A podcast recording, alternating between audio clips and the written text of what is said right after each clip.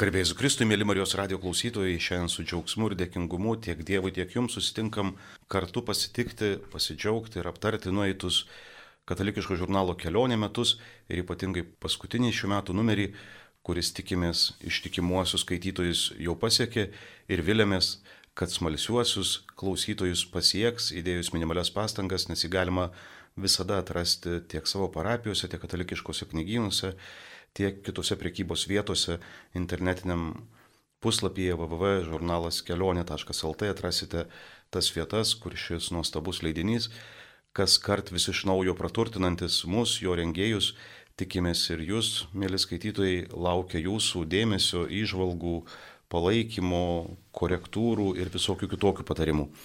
O šiandien beveik kaip tampa jau įprasta, šį žurnalą aptarsim su jo redaktorė seselė Faustina ir aš, redkolegijos narys, kunigas Kestutis Dvareckas.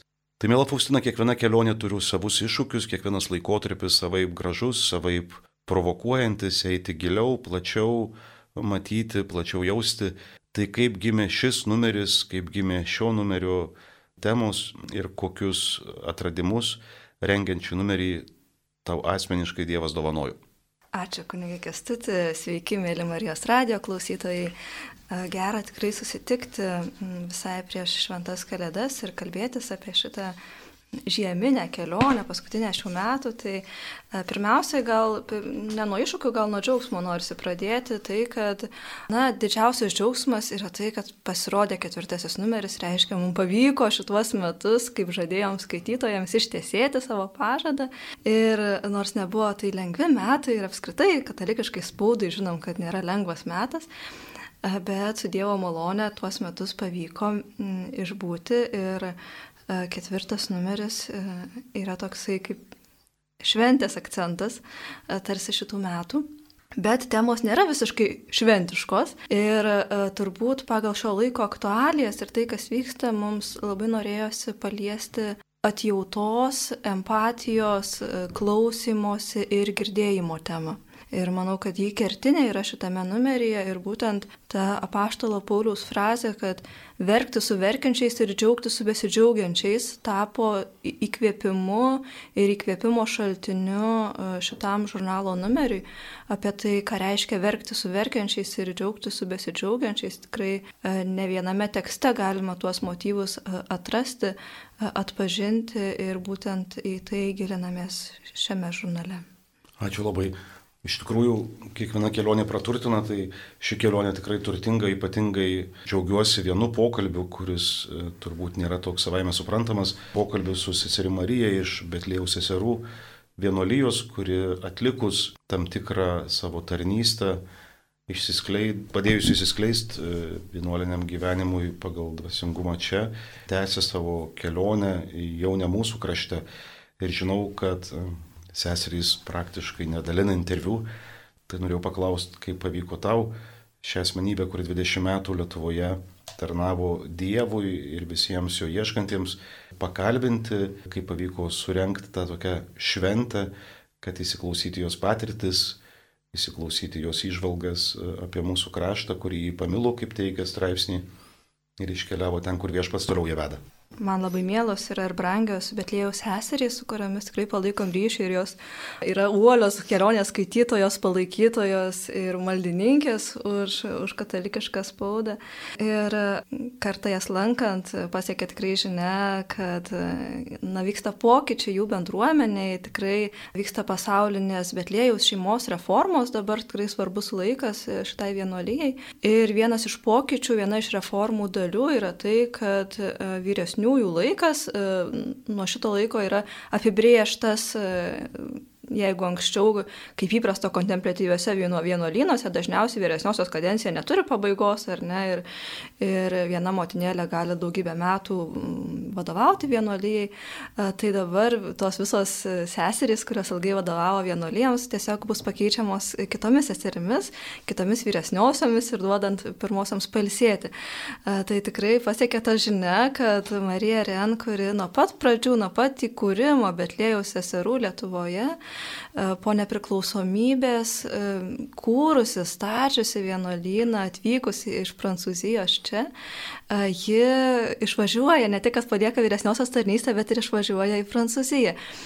Ir tada kalbėjome su sesutėm ir man tikrai kilo tokia mintis, kad kokia būtų dovana ją išvykstant, paprašyti, kad ji kelionės skaitytojams papasakotų, kaip ji pati atrado pašaukimą, kaip ji atrado Lietuvą, kaip ji priemė tą kvietimą vykti į Lietuvą, kaip, se, kaip seserys kūrėsi Lietuvoje, kaip statė vienolyje, kokios yra apskritai kontemplatyvaus gyvenimo patirtys ir, ir ką seserims reiškia, kurios yra vienumos seserys, ar ne, ką joms reiškia jausti su pasauliu, ką joms reiškia būti tam kryžiaus liepinį Ir um, tai labai atitiko ir mūsų numerio tema, ar ne, ką reiškia verkti su verkiančiais ir džiaugti su besidžiaugiančiais. Uh, tai laukiu atsakymo, iš tikrųjų ilgai laukiu atsakymo dėl, dėl pokalbio ir sesutė turėjo be abejo gauti leidimą vyresniosios. Ir, uh, tačiau iš tikrųjų mielai sutiko pasidalinti su, su skaitytojais, nes tai yra ypatinga situacija ir ypatinga proga. Ir šitas pokalbis yra tikrai uh, pirmųjų seserų ir Marijos Ren, e, galima sakyti, padėka Lietuvo žmonėms ir tos meilės išaiška, o ta meilė, tai paskaitykite tikrai tą pokalbį ir rasit, kokia yra didelė meilė ir kaip su kokiu e, gražiu žvilgsniu, e, pagarbiu žvilgsniu kalbama apie Lietuvą. Aš galiu gal momentą papasakoti, tai pačios Marijos Ren istorija prasidėjo nuo to, kad ji susitiko su misionieriais kurie buvo atvykę pas juos į parapiją ir tiesiog šeimos priėmė, priėmė apsigyventi. Ir buvo atvykęs vienas kunigas, kuris buvo praleidęs aštuonerius metus sovietų kalėjime. Ir jo pasakojimas padarė Marijai Ren didžiulį įspūdį, nes iki tol jinai kaip vaikas įsivaizdavo, kad visi žmonės pažįsta ir myli Dievą. Ir išgirdus apie pasaulį priešišką Dievui, Tada ji pradėjo labai melsis už persekiojimus krikščionis ir suprato, kad nori pati tapti misionierę, nori pati eiti į tuos kraštus, kur žmonės nepažįsta Dievo ir jį skelbti. Ir Dievas labai e, ypatingai išklausė jos prašymą, pakviesdamas į kontemplatyvę bendruomenę. Ir kai sesutė jau buvo Betlėjaus bendruomenėje, e, vyresnioji jai pasiūlė, pakvietė važiuoti į Lietuvą. Ir jai tai buvo tikrai Dievo ženklas, kad tai, nuo ko prasidėjo jos pašaukimo istorija, ar ne, jinai gali važiuoti tą posovietinę šalį ir ten kurti bendruomenę, ten steigti vienuolyną. Ir tikrai uh, galiu pacituoti kokie buvo pirmieji įspūdžiai ir kaip seserys jautėsi atvykusios į Lietuvą. E, tai cituoju Mariją Ren. Atvykusios į Lietuvą pirmaisiais mėnesiais su seserimis jautėmės nevertos čia būti, šioje šalyje, kuri tiek daug kovojo ir kentėjo dėl savo tikėjimo. Buvome tarsi išlepinti vaikai iš laisvojo pasaulio, čia susidūrę su kryžiaus lėpiniu. Mes visada labai gerbėme jūs, mūsų vyresniuosius brolius ir seseris, šiame kryžiaus kelyje tikrai matom tą didelę pagarbą dėl mūsų tautos kančios, kuri buvo patirta sovietmečiu. Ir Marija Ren labai atrado mūsų krašte rūpintojėlį, netgi išsivežė rūpintojėlio skultūrėlę į Prancūziją kaip, kaip dovana, kad prisimintų tą, tą kenčiantį ir, ir besirūpinantį mumis Kristų. Labai ačiū iš pasidalimą, man atrodo, stipriausia, bent jau man laukiamiausia kelionės dalis yra pokalbiai su žmonėmis, su kuriais patys turbūt ne visada atrandam nei progų, nei laiko, nei vietos sustikti ir išgirsti juos.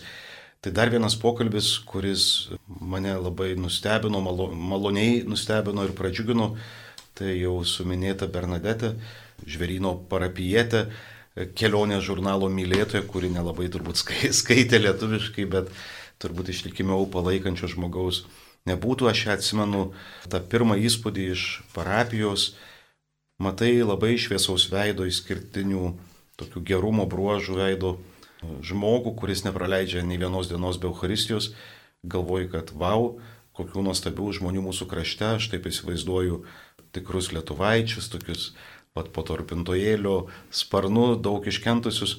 Ir paskui po vienu mišiūnai pribėga ir pradeda kalbinti ir suprantu, kad kalbina angliškai ir nesusikalbėsim. Ir, ir toks buvo labai didelis nustebimas.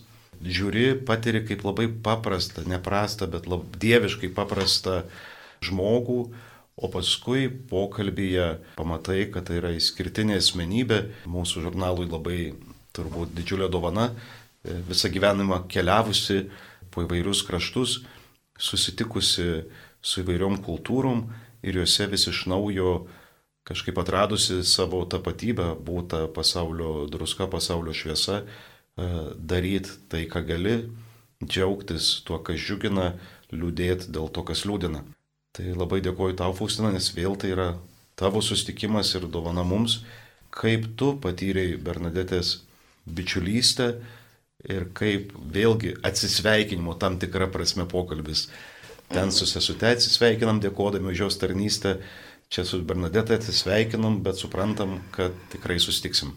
Taip, iš tikrųjų, netgi du pokalbiai su gilaus tikėjimo moterimis, kurios užsienietės e, praleido kurį laiką Lietuvoje, Marija Ren ilgą laiką, o Bernadette trejus metus. Ji, yra, ji čia Lietuvoje buvo tarnavusio, labai pasakysiu iš naujo. E, jie čia Lietuvoje atvyko su savo vyru Peteriu, kuris e, trejus metus tarnavo kaip Airijos ambasadorius. Ir e, ji kaip diplomato žmona nuolatos keliauja iš krašto į kraštą. Ir paskutiniai tie keliavimo metai prieš vyru išeinant į pensiją, tai buvo Lietuva.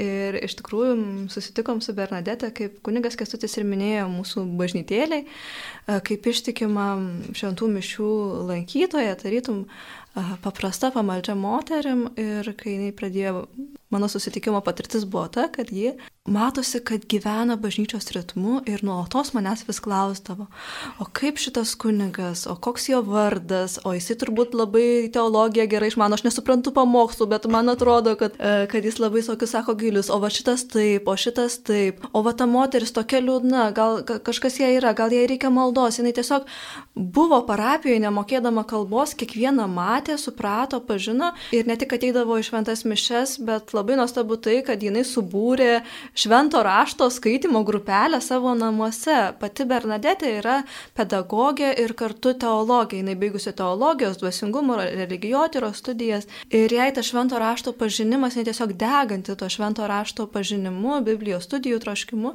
Ir jis subūrė ekumeninę šventojo rašto skaitimo grupelę, kuri rinkdavosi Airijos ambasados rezidencijoje tiesiog e, kartą per savaitę. Ir visada, kai mes susitikdavom, Bernadette prašydavo, pasimelsk už mūsų grupelę, tu pasimelsk už mūsų grupelę ir, ir kartu pati labai uoliai melsdavosi už mūsų žurnalą, mūsų kelionę, ateidavo pas mus nuolat adoracijai. Ir tikrai e, labai gera susitikti tokius šviesius, labai besirūpinančius bažnyčią žmonės, kurie net negalėtume pilnai dalyvauti dėl kalbos barjero, ar ne, bet visa širdim tuo ritmu bažnyčios gyvena. Ir, e, ir šiandien taip pat grįžus į Airiją, Bernadette jau įsijungė į tarnystę parafijoje ir ir savo aplinkiniams žmonėms taip pat liudija Kristų. Tai rasim jos pokalbį žurnale, pasakojimą apie keliavimą pas skirtingus kraštus, apie patirtis katalikų bažnyčios Indijoje, Japonijoje, Vengrijoje, Lietuvoje ir apie tai, kaip jinai kiekvienam krašte nuvykus gali jaustis namais ten, kur suranda katalikų bažnyčią, ten, kur gali dalyvauti mišiose apie dialogą su skirtingų religijų, su skirtingų patirčių žmonėm, apie tos sąlyčio taškų ieškojimą, taip pat labai daug svarbių dalykų išiškėja šitam pokalbį šitą ypatingą moterimi. Tikrai ypatinga ir kažkaip labai padrasinanti, kad visi mes jeigu tik leidžiam Dievui veikti savo paprastuose mažose darbuose, galime įsiskleisti kaip labai ypatingi. Dar pridėsiu, kad tikrai pokalbį su Bernadette parengė Irena Nakliudienė, taip pat mūsų parapijietė, kuri irgi išgyveno didelį džiaugsmą susitikti, bendrauti ir, ir kalbėtis kelioniai. Neatsitraukiant nuo tikėjimo, nuo religinių temų, e, tai šalia mums, mums įprastų, skaitytojams įprastų teologijų sesers Ligitos ir Juratės prisijungia jaunas ir degantis kunigas Gintas e, su savo įžvalgom ir tekstu, kad neatsitrauktum per toli. Tai tikrai labai džiugu, kad ir nauji autoriai papildo gretas, labai lauksim jūsų padrasinimų arba prašymų arba kažkokių korektūrų, kur link norėtumėt tą pokalbį apie tikėjimą arba tikinčiųjų pokalbį tarp savęs, kad tarp mūsų nevaržomai veiktų Dievas, kur norėtumėte jį pakreipti. Tai mūsų ištikimieji teologai, aišku, kad eina e, link e, klausimosi temos ir link teisingumo temos, Daktarė Juratė Misivečiūtė tęsė teisingumo darybės klausimus, kodėl kuriejas atėjo nepanaikinti, o išpildyti įstatymų. O sesuo Ligita Ryliškytė kviečia daug turbūt skausmingesniai, nors visos temos su iššūkiais. Čia jau toks rimtas maistas e, smegenim ir širdžiai. Tai klausytis ir daugiau negirdėti bendruomeninės išvalgos iššūkiai ir pamokos. Kodėl mes e, turėdami ausis kartais atsisakom girdėti ir kodėl turėdami akis atsisakom matyti. Tai kuo tave šių ištikimų kelionės bendražygių tekstai praturtino šiame numeryje? Iš tikrųjų, tikrai didelis džiaugsmas, kad mes e, galim kiekviename numeryje sutikti tiek Juratės Micevičiūtės, tiek sesės Ligitos tekstus. Ir e, Juratė tai tęsi iš tikrųjų savo pažadą, kurį davė praėjusį kartą skaitytojams, toliau kalbėti apie teisingumo darybę, nes viename tekste jai nepavyko sutilpti ir tikrai yra labai daug ką pasakyti apie tai. Ir man labai gražu, kad būtent šiame numeryje ji kalba apie bendrąjį teisingumą ir klusnumą. Šiandien mes esam labai linkę į individualizmą, tokį savojo aš iškelimą. Ir Juratė mėgina sugražinti mus prie, prie tokio bendruomeniškumo, ir hierarchijos, kuri yra svarbi tiek bažnyčios gyvenime, ar ne, tiek, tiek visuomenės gyvenime. Ir pasitelkusi Antuano de Saint-Exupéry metaforą, ji kalba apie katedrą, sako, kad pasak jo, katedra nuo paprastos akmenų krūvos skiriasi tuo, kad jos sienose akmenys sudėti tvarkingai ir hierarchiškai. Ir sako, kad dėje, bet mes jau nebestatome katedrų, o reikalaujam, kad vienas akmuo nekenktų kitam. Ir iš tiesų jie nekenkia vienas kitam tuomet, kai yra netvarkingai išmėtyti kur nors lauke. Tačiau jie kenkia katedrai, kurią jie būtų surėmę ir kuri būtų įprasminusi juos visus aliai vienu. Tai tokia yra Antuano de Saint-Exupéry metafora, kuria atsiremdama Juratė kalba apie klusnumą, teisingumą ir bendruomeniškumą kartu. Nes šiandien mes labai norim būti panašus tikrai tuos akmenis, kurie viens kitam nekenkia, nieko nedaro, gražiai atrodo su savo visais aštriais kampais ir tik manęs neužkliudyk, ar ne? Bet tam, kad iš mūsų ką nors būtų galima pastatyti, turbūt reikia kažkaip jungtis ir glūdintis tuos kampelius ir, ir šlifuotis į vieną. Tai čia, na, tokia tikrai tekstas tekstas yra rimtas ir e, apie klusnumą, paklusnumą, vienybę, e, paklusimą vadovams, įstatymams ir turbūt galima būtų net atskirą laidą parengti su Juratė apie tai ir, ir būtų rimta diskusija. Na, o sesė Ligita labai gražiai apibendrina e, sinodinius metus tą sinodo kelionę, kurią mes šiemet e, keliavome kartu, kalba apie bendruomenę, taip pat apie bendruomenę, apie bendruomeninę išvalgą ir apie klausimąsi, kuris, e, kuris yra neišvengiamas, e, norint pasiekti kažkokio bendro susitarimo. Sesė Ligita ne tik tai pasakoja apie tai, ką reiškia klausimasis iš teorinės pusės, bet taip pat pateikia praktinę bendruomeninės išvalgos iliustraciją ir pasakoja apie tai, kaip jūs, seserų, eucharistiečių bendruomenėje vyksta kapitula, kaip seserys diskutuoja mažose grupelėse, paskui atneša savo, savo įžvalgas, meldžiasi tam tikrų klausimų. Ir tikrai e, galima ieškant bendruomenėje atsakymo įsiklausyti į seserų patirtį, kaip jo savo bendruomenės svarbiausius sprendimus priima tikrai, tikrai labai e, tokiame įsiklausimo ir įžvalgos su viešpačiu kartu kelyje. Ačiū labai už pasidalinimą šitais tikrai rimtais ir netokiais vien maloniais, bet ir kviečiančiais nert giliau tekstais. Yra žinoma, kaip įprasta ir daugiau religinių tekstų, ir brolio Benediktino tesinys, toks tekstų ciklas, ir, bet visi puikiai žinom, kad kelionė nebūtų kelionė, jeigu jie nebūtų dialogo arba pokalbio apie žmogų ne tik iš tikėjimo pusės, bet ir iš psichologinės pusės. Tai ištikima mūsų autorė Dominika Navickaitė kviečia pamastyti, ar empatija turi ir tamsėje pusę, ar turi nepageidavimų šalutinių poveikių, taip pat apie su psichologė Laima Jančauskytė kalbamės apie krizės, kurios dovanoja galimybės pažinti, sutikti, o gal net tapti savimi pačiais. Norėjau paklausti tavęs, kaip tu patiri tą gražią, gražią dermę arba dialogą tarp, sakytumėm, skirtingų požiūrio taškų į tą patį žmogų ir žmogaus tikrovę. Nes kartais bažnyčiai nutinka, kad mes mėginam kažkaip matyti tik taip ir ne kitaip ir nepraplečiam savo žvilgsnių kitų mokslų, kitų patirčių žmonių išvalgomis. O tu kaip redaktorė tokio nuostabaus žurnalo taip jautriai ir kažkaip taip supinį vieną pinę, kad tai atrodo taip, kaip ir svajočiau, kad būtų taip natūralu, taip, taip tikra, taip, taip ir turi būti ne tik žurnale, bet ir gyvenime, kad tas papildomumas praskleidžiantis žmogaus sudėtingą realybę. Tai kaip tau sekasi savyje derinti tą požiūrį į žmogų ir jo tikrovę, ne tik e, per tikėjimo prizmę, pati esi sesi tarnaujanti bažnyčioje, bet ir padedant psichologijai ir kitiems mokslams. Iš tikrųjų, tai e, kalbant apie tuos skirtingus požiūrio taškus, e, man yra labai didelis džiaugsmas, kad mūsų autoriai yra labai skirtingi. Galima į tą patį reiškinį pažiūrėti iš, iš skirtingų pusių. Ir šį kartą mes daug kalbam apie empatiją. Ir tikrai labai vienoks buvo pokalbis su psichologe Laima, kuri tarnauja, savanoriauja krizių įveikimo centre, kur žmonės ateina su dideliais sukrėtimais. Ir, ir ta, ta empatija, tas žmogiškas išklausimas ar net tas įsijautimas į situaciją, jis yra Jis yra gydantis, jis yra gelbstintis, jis yra atkuriantis ir be galo reikalingas. Ir mes tikrai kalbėjomės ir apie pagalbą kitiems, ir apie pagalbą savo, ir apie tos perdegimus visus.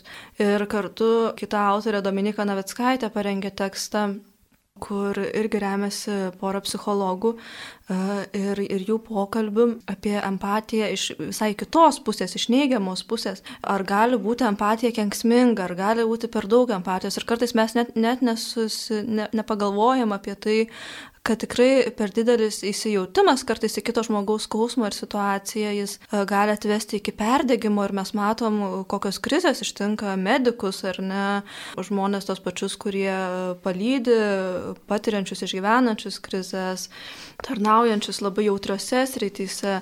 E, iš tikrųjų matom, kad labai svarbu atrasti tuos būdus, kaip, kur aš pats galiu sulaukti pagalbos ir kaip neprisimti kito visų jausmų ir emocijų spektro.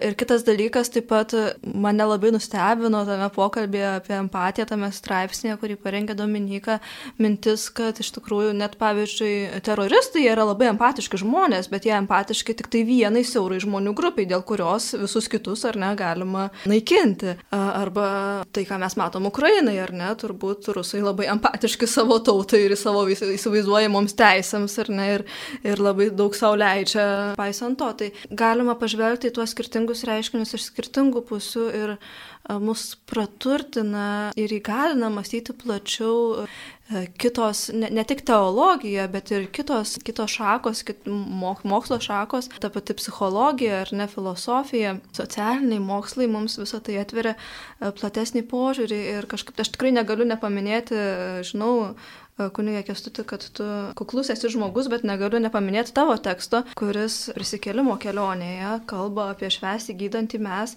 Ir taip pat šiame tekste man kas buvo labai svarbu, Tai, tai ta mintis, kad nėra sveika kito išgyvenimus nešioti savyje kiek įmanoma ilgiau, ne? nes kartais mes išgirstam kažkokį pasidalinimą, ypač bažnyčios žmonės, ar ne, ir kažkokiame pokalbėje asmeniniam, nežinau, kunigai galbūt išpažintyse, ir išgirstam labai skaudžių dalykų ir paskui yra pavojus, kad mes tuo, nuo to skausmo nesugebėsim atsiriboti Ir, ir tai ir nešiosime savyje ir įstriksim, kaip tu sakai. Ar net jeigu atsiribosim, tai pradėsim jaustis labai kalti, kad nepakankamai empatiški. Taip, kad aš čia dabar džiaugiuosi gyvenimu, nors tai žmogus yra visai šalia, kuris, kuris kenčia. Ir man atrodo, kad tokiems uoliems tikintiesiems, kurie linkia save graužti, tai tas kunigo kestučio tekstas, ar ne, švesti gydantį mes, jis yra toksai gelbsintis ir atpalaiduojantis ta mintis, kad kad mums nereikia užstrikti kito žmogaus kančio ir kad mes galim su vienu verkti, o kitą akimirką su kitu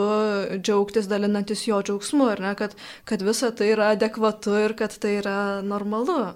Gal tu dar galėtum truputėlį pakomentuoti savo tekstą? Man labai sunku komentuoti. Ir kaip tau, ir kaip tau gimė apskritai ta, ta mintis apie tai kalbėti ir tas poreikis, ar ne galbūt tai iš asmeninės patirties atsirado? Taip, tai pati skaitė arba tie, kas jau skaitė, tai turbūt žinot, kad man labai sunku kalbėti teoriniam lygmenį, nes teorijos ne mano stiprioji pusė, bet esu priverstas dėl savo gyvenimo patirties reflektuoti ir permastyti e, savo realybę ir ieškoti būdų arba formų, kuriomis pačiam išlikti e, neišprotėjus, išlikti neusigraužus, išlikti gyvenančių ir adekvačių. E, tai tęsiant ant temą, kur, kur, kur klausime bandžiau formuluoti, tai aš pradžioje kažkaip labai atmesdavau psichologiją Man atrodė, kad jeigu esu pakankamai e, tikintis, tai tai yra nepalyginamai daugiau, lyg vienas kitą kažkaip e, konkuruotų.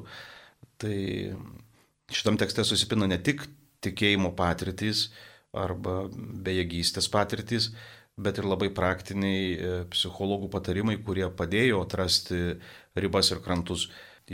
Kažkaip mini ir labai atsipažįstu, kad daug kas norėjom iš tikinčiųjų būti labai labai empatiški ir savo tą rūpintojėlio e, poziciją gyvenime ištesti iki begalybės. E, ir kažkaip aš atsimenu irgi, kad neleisdavau savo džiaugtis, o jeigu pajausdavau, kad jau džiaugiuosi, nors neseniai buvo sustikimas, kuriame verkiau, tai jausdavausi kažkoks netvarus, nepakankamai geras, nepakankamai empatiškas.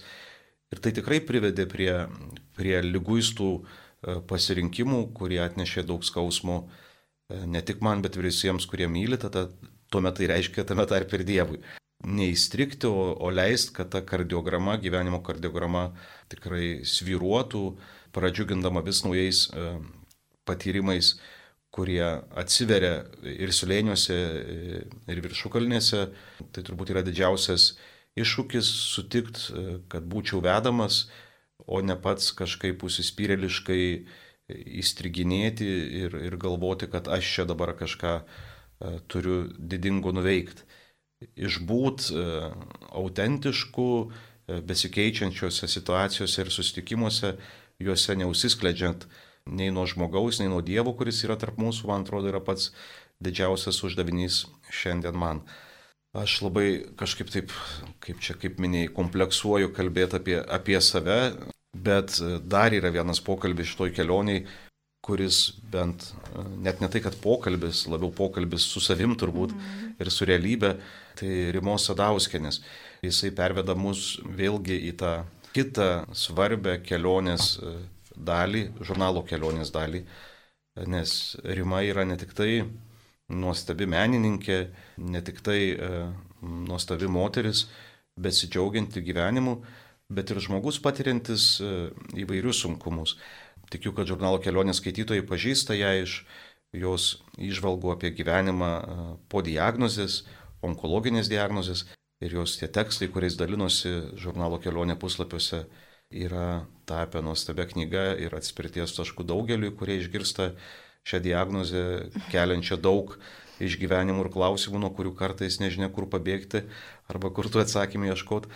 Tai paskui buvo pokalbis su ją kaip su menininkė, kai lankėm ją jos studijoje. O šiandien vėl vienas toks išsipildymas. Mes kaip kalbėjom su ją, jos mylima mieste, man ir mums kilo klausimas, kad viskas tvarkoji, yra daug tų etapų, Ta prasme, viena yra išgirdus e, žinia, kaip gyvenu ir išgyvenu ir einu į tuos susitikimus, kurie gydo, kurie keičia, kurie provokuoja. Paskui kita yra gyjimo metu tuos iššūkius įveikinėti. Bet dar vienas man visada kažkaip pačiam labai asmeniškai svarbus etapas, tai kai atrodo, kai visi pavojai lyg ir praeina. Ir kai gyvenimas lyg grįžta į įprastas e, vėžes, kurios, kuriuose buvo įsipatoginta prieš sukretimus, ar ką reiškia e, gyventi po to, kai pavojai nėra tokie akivaizdus e, ar apčiopiami, ar, ar, ar intensyvūs. Mylima Rima ištesėjo savo pažadą, kad su ta tema pabūt. Ir man čia susisiekė su daug temų, aš atsimenu, man labiausiai įdomu buvo Galvoju, kodėl viešpats Jėzus nepapasakojo, ką sunus palaidūnas veikia toliau. Tos krizės tai kažkaip viskas yra faina ir taip artima, ir, ir, bet grįžus tas, nuo ko bėgta, dažnai niekur nedingia. Tas, kas anksčiau sargdino ar erzino sunaus palaidūno atveju, irgi ir panašu, kad nebus būtinai pasikeitę. Tas pirmas džiaugsmas, euforija, e, šventės e, sugrįžtuvių turbūt irgi trupučiuką prigesta ir kaip tas gyvenimas toliau. Tai kokią tu patirtį turi su jau ilgametę bendra keleivę. Turbūt čia žurnalo stiprybė, man atrodo, ir, ir galimybė jam toliau džiuginti, tai kad jis sujungia labai skirtingus, skirtingų patirčių žmonės, kuriuos vienyje pagarba žmogui, žmogiškumui ir kurie ilgainiui tampa bendra keleiviais, kad tai nėra tik tai autoriai, kurių paprašai vieno ar kito teksto, bet yra žmonės, e, su kuriais e, kartu keliaujam į didesnį tiesos pažinimą, kuri neša laisvę. Tai žmonės, kurių gyvensena įkvepia pasitikėjimą, tai žmonės, kurie tikrai tie tokie dievo, dievo duoti bendra keliaiviai. Čia kalbu ne tik apie Rimą, bet ir gerbiamą Matskelą, kurio tekstai visada ištikimai ir jo mylimą žmoną, kuri dalinasi savo talentais visada padėdama, kad tų bendra keliaivių tiesos, kurios jiems padėjo praeiti visas bedugnes, būtų ir mums ištiesta ranka. Tai taip atsispiriant nuo Rimos teksto, bet turbūt ne vien prie Rimos teksto, truputį žiūrint į tuos metus, kur tau teko eiti ne tik e, kažkaip e, komandoj, pasitikint tais, kurie neša vėliavas, bet pačiai imtis nenorėtus atsakomybės, tapti e, redaktorė ir prisimti atsakomybę už bendrą kryptį. Tai kaip tau kažkaip šie metai davė patirt bendra keliaivių džiaugsmą ir kaip tu priimi rimos ir visų kitų ištikimiausių bendra keleivių kūrybą ir, ir atradimus. Iš tiesų tai yra didelis džiaugsmas, kad e, žurnalo kelionė, tokia komanda, tai nėra, na, samdomi darbininkai ar ne, kurie padarė savo darbą ir, ir pamiršo, bet tai tokia tarsi, tarsi maža, neregima bendruomenė, kuri tiesiog pakeliauja kartu gabalą kelio ir kai kurios tos kelionės, jos, jos netokios trumpos kaip ir rimos, ji pradėjo susirgti vėžių, pradėjo rašyti savo patirtis, guldyti popieriuje ir kreipėsi į tuo metinį žurnalo redaktorių Gediminą Kajeną dėl publikavimo tekstų ir išsivystė labai graži bendrystė ir, ir draugystė, ne tik publikuojant kiekviename numeryje rimos tekstus, bet net išleidžiant knygą apie gyvenimą sergant vėžių. Ir labai gera, kai sulauki tesinių, nes ir pati savo aplinkoje pažįstu nemažai žmonių, kurie turi tą diagnozę, ne, ir E, supranti, kad gyvenimas su jie nesibaigia e, išgirdus, kad gydimo etapas pasibaigia ir viskas gerai, ne, nes tu visą laiką tarsi ant tos parako statinės, kai nežinai, kada sproks. Ir labai tikrai ačiū Rimai už tą drąsą papasakoti, ką reiškia važiuoti pasitikrinti nuolatos.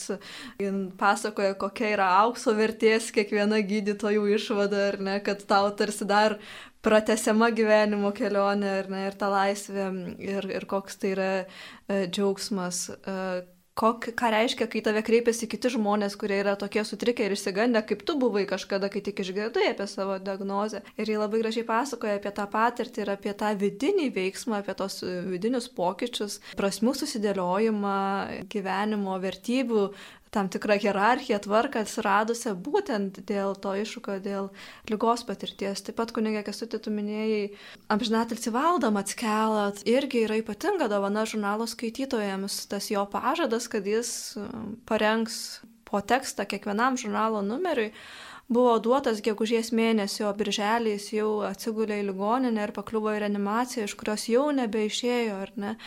Tai, tai yra tokie Dievo stebuklai, kad būdamas iš dangaus jis įleidžia surasti savo paskaitų įrašus, kalbėtų ar ne. Ir, ir tada mes su jo žmona dalė darbuojamės ir tikrai kiekvienam numeriui mes turim pavaldo tekstą ir šiame numeryje aš labai džiaugiuosi, kad valdas kalba apie išmintį. Ir mes labai kartais ieškom tų laimingo gyvenimo receptų ar ne. Ir kur čia ta mano laimė ir kaip jos pasiekti. Ir kartais labai desperatiškai mes tą darom.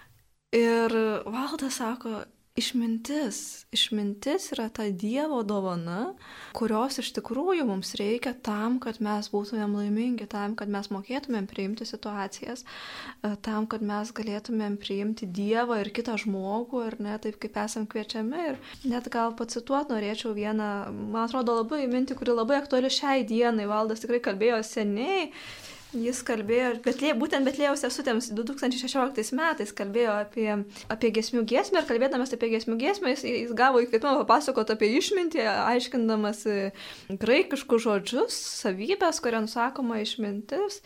Ir viena iš tų savybių valdas sako yra tai, kad iš, e, išmintis, išminties dvasia yra rami. Ta tikroji ramybė, duodanti tą tikrą ramybę, kur yra šalom ir tą laisvę nuo rūpeščių.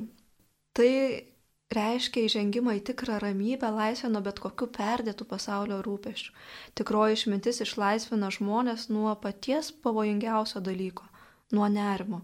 Ir daugybę dalykų mes darom ne todėl, kad jie yra geri, bet todėl, kad ko nors bijom, kad nerimaujam, kad kažkas mus gazdina. O tikroji ramybė kylanti iš išminties suteikia saugumą, pasitikėjimą Dievu ir padeda atsiriboti nuo pasaulio rūpeščių.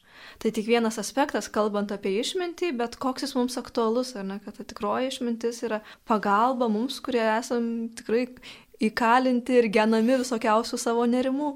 Ačiū labai, sesutė, už pasidalinimą. Aišku, laikas prabėgo greičiau, negu kad tikėjomės. Liko dar svarbi ta, ta, ta numerio šis, norimos atsispirint, tai menininkų požiūrį, menininkų išgyvenimai. Tai jau neįsiplečiant, tik padrasinu įsigyti žurnalą ar patiems atrast. Tai rasit pokalbį su Valentinu Masalskiu ir su keramikė Dormante Penkinski. Tai meninkai taip pat tie žmonės, kurie į tai, ką mes patiriam, žvelgia kiek kitaip ir tai, ką kartais laikom išmėginimais, e, tampa kūrybiškumo pasireiškimo priežastimi. Tai ačiū Jums visiems, mėly klausytojai, už skirtą mums laiką. Tikimės, kad atrasit ir pamilsit žurnalą kelionė. Sustiksim šio žurnalo puslapiuose. Rašykit mums savo norimų temų ar svajonių e, sąrašiukus e, žurnalas kelionė.lt ir pasitikėkim viešpačiu, kuris tikimės, kad leis tęs šią kelionę ir tuoj be prasidedančiais metais. O man dar labai norisi pakviesti klausytojus prenumeruoti žurnalą kelionė kitiems metams ir tikrai gauti keturis kartus per metus šitą leidinį į savo namus kaip dovana, tikrai už nedidelę kainą ir taip pat tai gali būti labai graži dovana jūsų artimiesiems, jūsų draugams, dabar visi ieškom tų galėdinių dovanų ir turbūt vienas iš prasmingiausių ir vertingiausių dalykų kvietimas į tą vidinę kelionę su viešpačiu. Ir tikrai iš patirties sakau, aš esu vienais metais bičiuliams dovanojęs prenumeratas tai buvo ta, tas atsiliepimas, kad ta dovana stebina, džiugina visus metus, kad ne tik kalėdų šurmuly tarp tos gausos kartais pasimeta, bet kas kelis mėnesius vis pasibeldžia su kvietimu sustoti ir labiau išgirs save ir mums kalbant į Dievą. Tai iki susitikimų tikimės po kelių mėnesių. Iki su Dievu.